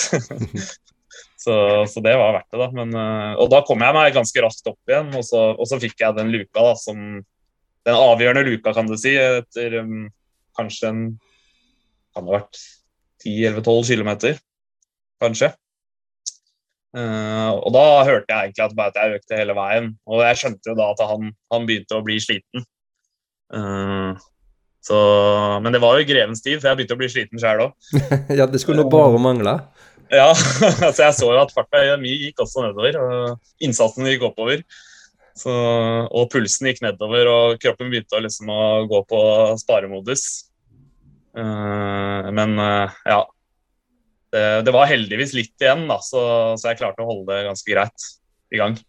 Men uh, begynte du, Hadde du support opp Zombie Hill, eller var, var det først det der siste altså steinpartiet som en brukte support? Nei, i Zombie Hill så, så hadde løpet jeg aleine. Og jeg gleda meg egentlig til å komme inn til Zombie Hill. Jeg, tror, jeg veit ikke om det er så mange som gjør det, men jeg, eh, jeg syns det er fantastisk å løpe oppover. Og, og jeg begynte å kjenne det at faller, nå begynner jeg altså, bli stiv i leggene. og Jeg er jo syklist og ikke så ja, kan man si, tåler ikke løping så godt enda. Men uh, Så da hadde det vært helt flatt maraton, så hadde nok det vært verre for min del. Så jeg så fram til å komme inn der, og så kom jeg inn der og skifta sko en gang til da, til bakken, faktisk. Ja. Og da gikk det litt fortere. Da var det sko som var litt lettere å ta på seg. Så det, det var synd ikke det var Det var den som ble filma, den skiftinga der. Um, men så løp jeg aleine opp der da, og hadde egentlig bare fokus på å holde beina i gang. Og hadde bestemt meg for at jeg skal ikke gå et eneste skritt i den bakken her. Uh, for da, liksom, hvis du begynner å gå, så er det fort gjort at det er veldig seigt å komme i gang igjen. Og veldig fort gjort å gå tilbake igjen da, til det lave giret, gåinga. Så jeg holdt det gående opp hele veien der, og så fikk jeg kjæresten min da, løp sammen med meg fra toppen og inn. Toppen av som bil. Så ja. siste ti kilometerne så hadde jeg uh, følge av henne. Og så når vi kom inn i bakken der, så hadde jeg jo en hel gjeng da, med, med studiekompiser Eh, fra NTNUI langrenn i, i Trondheim, som, eh, som, løp bak meg oppover der da, eh, i siste biten. Så det, det, var utrolig kult. Og de fulgte meg hele veien fra Geilo. og ja, det var ikke noe jeg Jeg hadde visst at de skulle komme til løypa, men at de skulle følge meg hele veien og, og liksom kjøre etter og heie overalt. da. Det, det, hadde jeg ikke trodd, så det var, det var, utrolig kult og ga meg masse ekstra energi. Og det samme gjelder egentlig alle som sto langs løypa. Det var jo ja, Det er sjelden jeg har opplevd så god stemning Lang langs løypa. Det må være sånn Arctic Race, eh, nesten. Med så mye flagg og, sånn, og folk som har kommet ut da, for å heie. Så det var, det var utrolig kult. Og det, det, ga litt ekstra energi. Men eh, på dette tidspunktet, når du løper med, altså når du løper med kjæresten din Uh, siste rest av Zombiehill og oppover NTNU i gutta der. Er du, er du, på dette tidspunktet komfortabel? Er du ganske sikker på at det kommer til å gå, gå veien? Ja, det må bare presisere at det var ikke bare gutter, det var et par jenter òg. Ja, okay, ja, ja, okay, ja. Noen spreke jenter. Ja. så det, det, det altså, ja. Mm. Men da er du komfortabel, og du, du kjenner allerede på følelsen av at dette kom til å gå veien? Ja, da, da, visste jeg jo det, da. da hadde det jo, I Zombie Hill hadde det blitt ganske mange minutter. Jeg husker ikke hvor mange minutter det var etter Zombie Hill. Ja. 13 eller noe sånt. Og det var vel tre-fire i bånn. Så da skjønte jeg at det her går veien. Og det begynte liksom og du begynner å se eller så, så i hvert fall tåka rundt Gaustatoppen. og ja, det var nesten så det liksom, Da begynte det å synke litt inn, og, og, ja. Det var nesten så det kom noen tårer allerede der, da. Bare fordi jeg var dritsliten og, og skjønte at det her kom til å gå veien. Eh, men eh, selvfølgelig, ting kan jo skje, det veit jeg jo, på en sånn lang distanse. Så man skal ikke ta noe for gitt. Så jeg måtte bare holde det i gang, da. Eh, men ja, når du hører at du, det er 13 minutter, og så neste gang så hører du at det er 17 minutter, og så liksom Da skjønner du at det går veien. Og mottakelsen på toppen, var det en uh, seier her uh, verdig? Uh, vi har jo sett video og bilder, det er jo ganske Det er jo en del vær, og ja. det er ingen tvil om det? Ja, det var ganske røft oppover der også. Men sånn i forhold til hvordan det var på Dyranut, så var det egentlig ingenting, følte jeg. da. Eller jeg merka ikke noe til været, egentlig. Men jeg har jo sett i etterkant at det, det så ganske røft ut oppå der òg. Og jeg ble jo ganske raskt skippa inn til den der heisen. Eh, så jeg fikk liksom ikke gått en runde og, og, og takka alle sammen og prata med folk, og sånn som jeg kanskje helst ville ha gjort. da. Eh, for det var relativt surt der oppe, så det var nok lurt. Eh, og det var nok i beste mening at jeg bare ble dytta rett inn i den heisen. Men Og så hadde jeg kanskje trodd at det skulle være et sånt bånd da, sånn over målstreken. Så det var litt sånn Jeg vet ikke om jeg skal si at det var skuffende, men men jeg, jeg, trodde det skulle være det. Jeg trodde det hadde vært det før.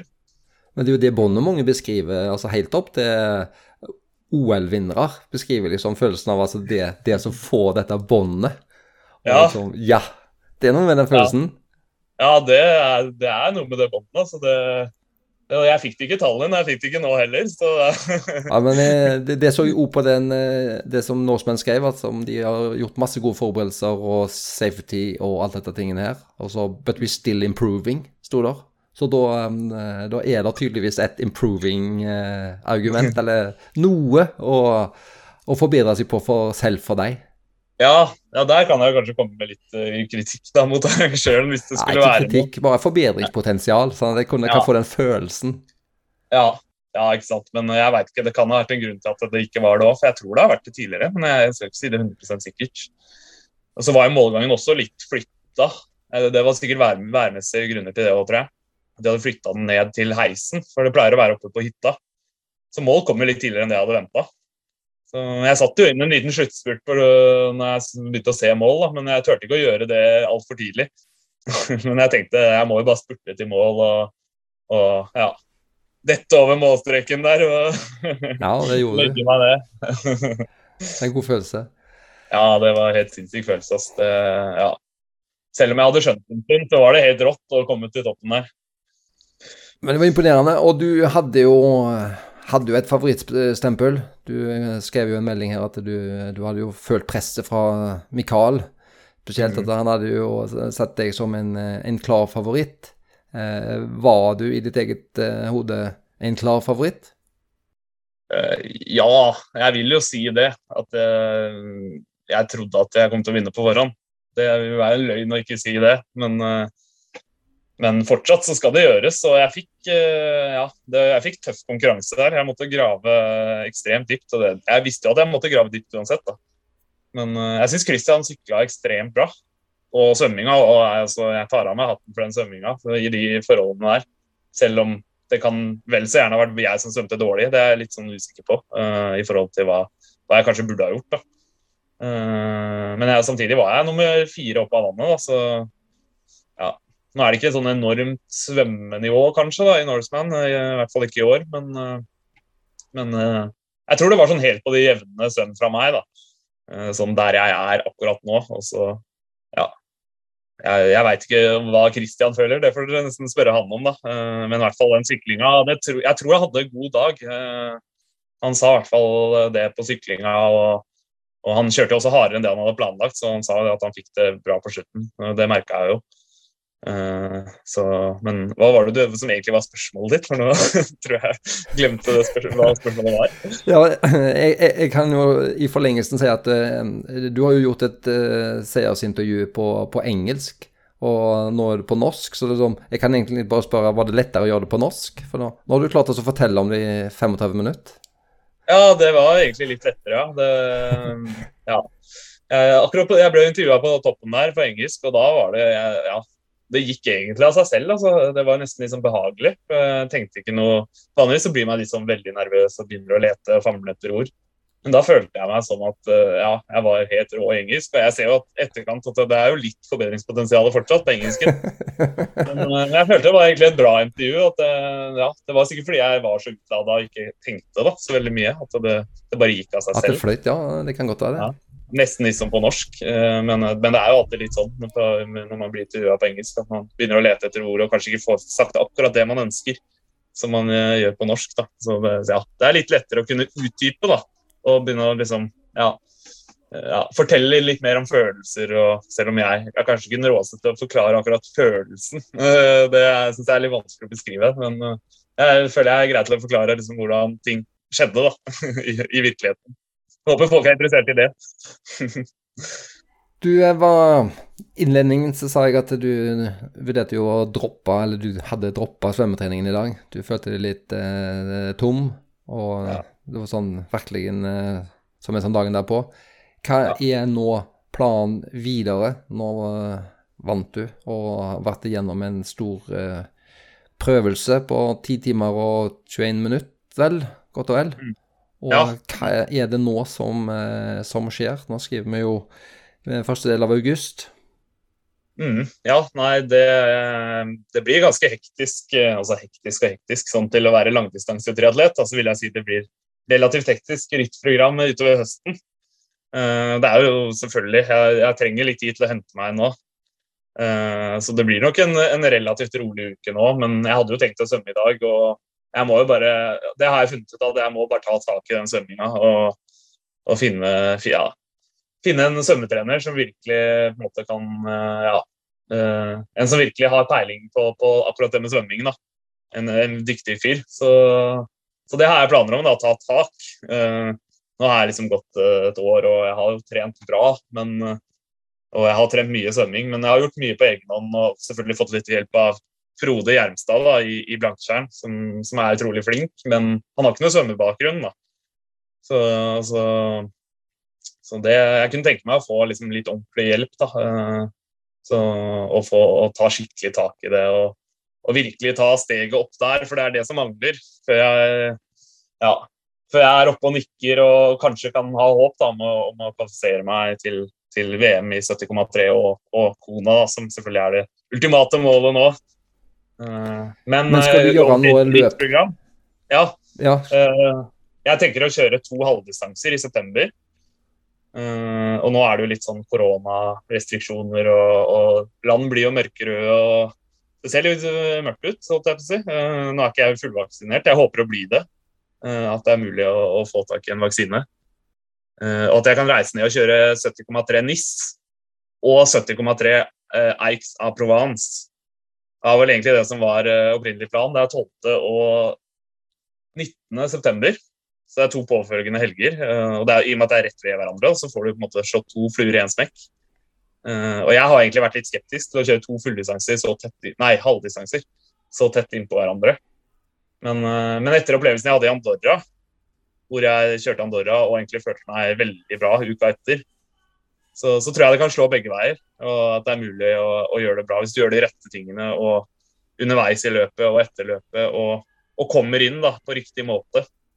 Så jeg ser på det som en utfordring, og så får du samla to løp da, for seg. Um, men i og med at det er mørkerødt nå vel i Frankrike, ikke helt sikker, men uh, det er nok i hvert fall eh, noen forskjellige kulører på, det, på de anbefalingene, ja. Ja, jeg veit jo at Polen er grønt. Uh, og der er det jo en 70,3 i Ironman 70,3 i Warszawa. Oh, ja, ja. Og så har jeg jo en kjæreste som skal være med på, på Auland ekstremtriatlon neste helg. Og som ja. har veldig lyst til å prøve seg på Ironman. Da. Så det hadde vært veldig gøy å dra sammen med henne. Eh, men hun er avhengig av at det er grønt pga. studier og sånt, så da, da, kan det være det blir Polen i stedet. Men uh, to stykker er i hvert fall planen. Så får vi se om det blir denne og Nisse eller denne og Provence eller hva det blir til. Og så er det Ironman Mallorca i oktober. 16. oktober. Den har jeg bestemt meg for. Den er full. Ja. Så da blir det en ny fulldistanse. Så det blir jo relativt tøft, men uh, det er jo samtidig ganske god tid imellom. Og så må jeg bare Jeg tror det er akkurat nok tid da, til å få trent litt også, uh, spesifikt. Uh, og så er det selvfølgelig Det hadde vært sinnssykt å kvalifisere seg til VM eller, eller altså 70,3 VM eller Kona der, da. Men, uh, men jeg skjønner at uh, svømminga er såpass laber. Nei, faen. Hallo? Hallo? Ja, du er her. Hallo? Hallo igjen. da, var vi, da var vi inne til litt tekniske problemer. Ja, jeg sitter og lurer på om jeg skal klippe vekk denne delen her, eller ei. Men, eh, vi var jo i ferd med å gå inn for eh, landing, eh, Jon, nå når du gikk tom for strøm på mobilen. Ja, stemmer. Så ja. Det mangler litt teknisk kompetanse her. Jeg vil oppsummere eller spørre om én ting. Fordi at nå er jo du eh, Vi har jo hørt deg før, og da var du jo veldig ny til triatlon, som du har sagt flere ganger. Du kom fra sykkel. Eh, du mm. debuterte nettopp, i, i fjor, da, i Tallinn, og vant. Så hadde du din eh, debut nå i Norseman, og vant. Så, før du gikk ut med strøm, eller det gikk tom for strøm, så beskriver du at du hadde jo vært gøy å kvalle til VM i i 70,3 f.eks.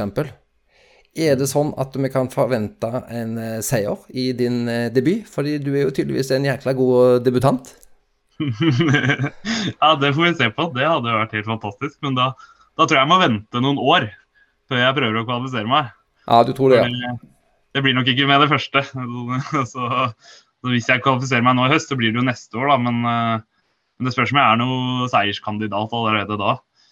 Uh, og så spørs det jo om de her uh, andre gutta våre på kortdistanse kommer over etter hvert. Da. Da, da, ser jeg jo sjansene mine som betydelig mindre, egentlig. Men uh, fordi, ja.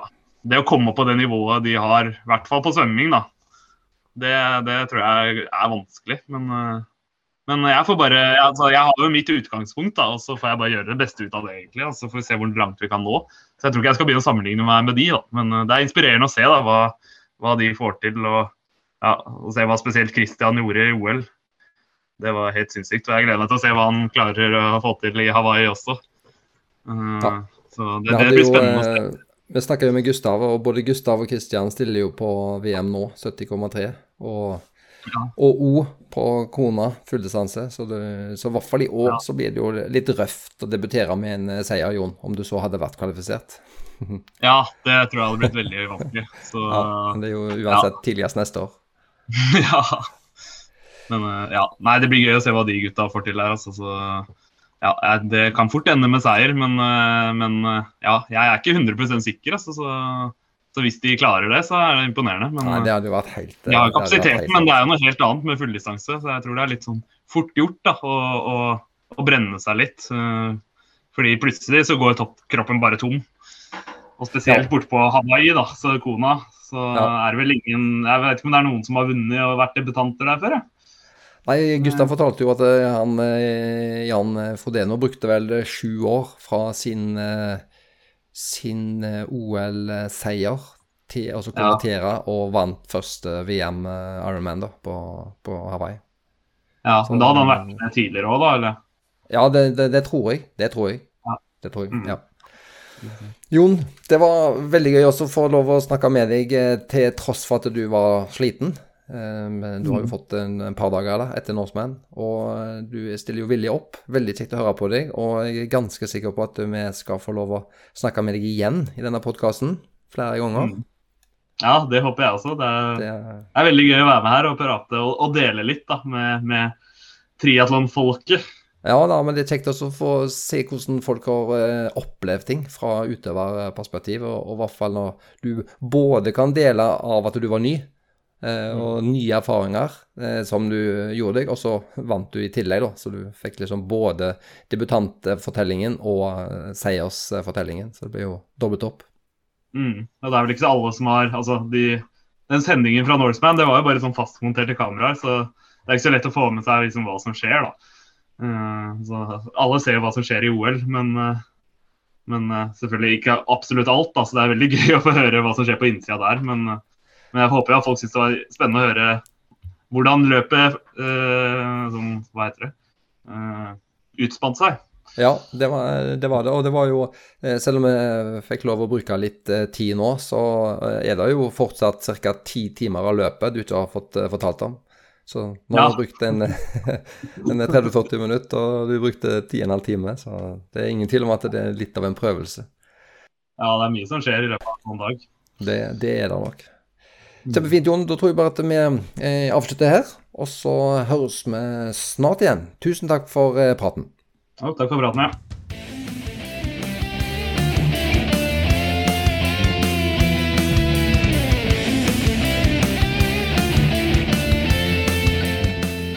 Det var Jon. Gode 45 minutter med Jon som eh, fortalte fra Norseman og hans opplevelse med det. Håper det var interessant for dere alle å høre på. Så eh, skal vi jo eh, bare oppsummere Oslo Triatlon, for det var jo en eh, god del gode navn som endte opp med å stille opp i Oslo Triatlon, Mikael. Og så gjevt er det. Er det en av de større norske triatlonene som er spesielt populær, eller er det bare tilfeldig at det var såpass mange som hadde anledning til å stille her nå?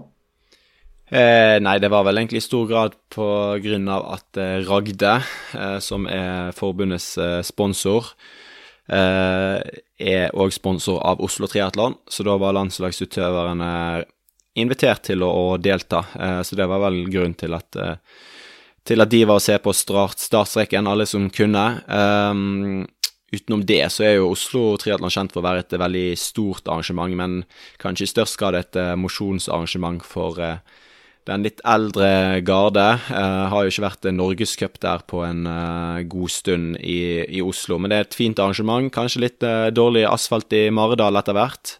men ellers er jo det en veldig, veldig fin greie, da.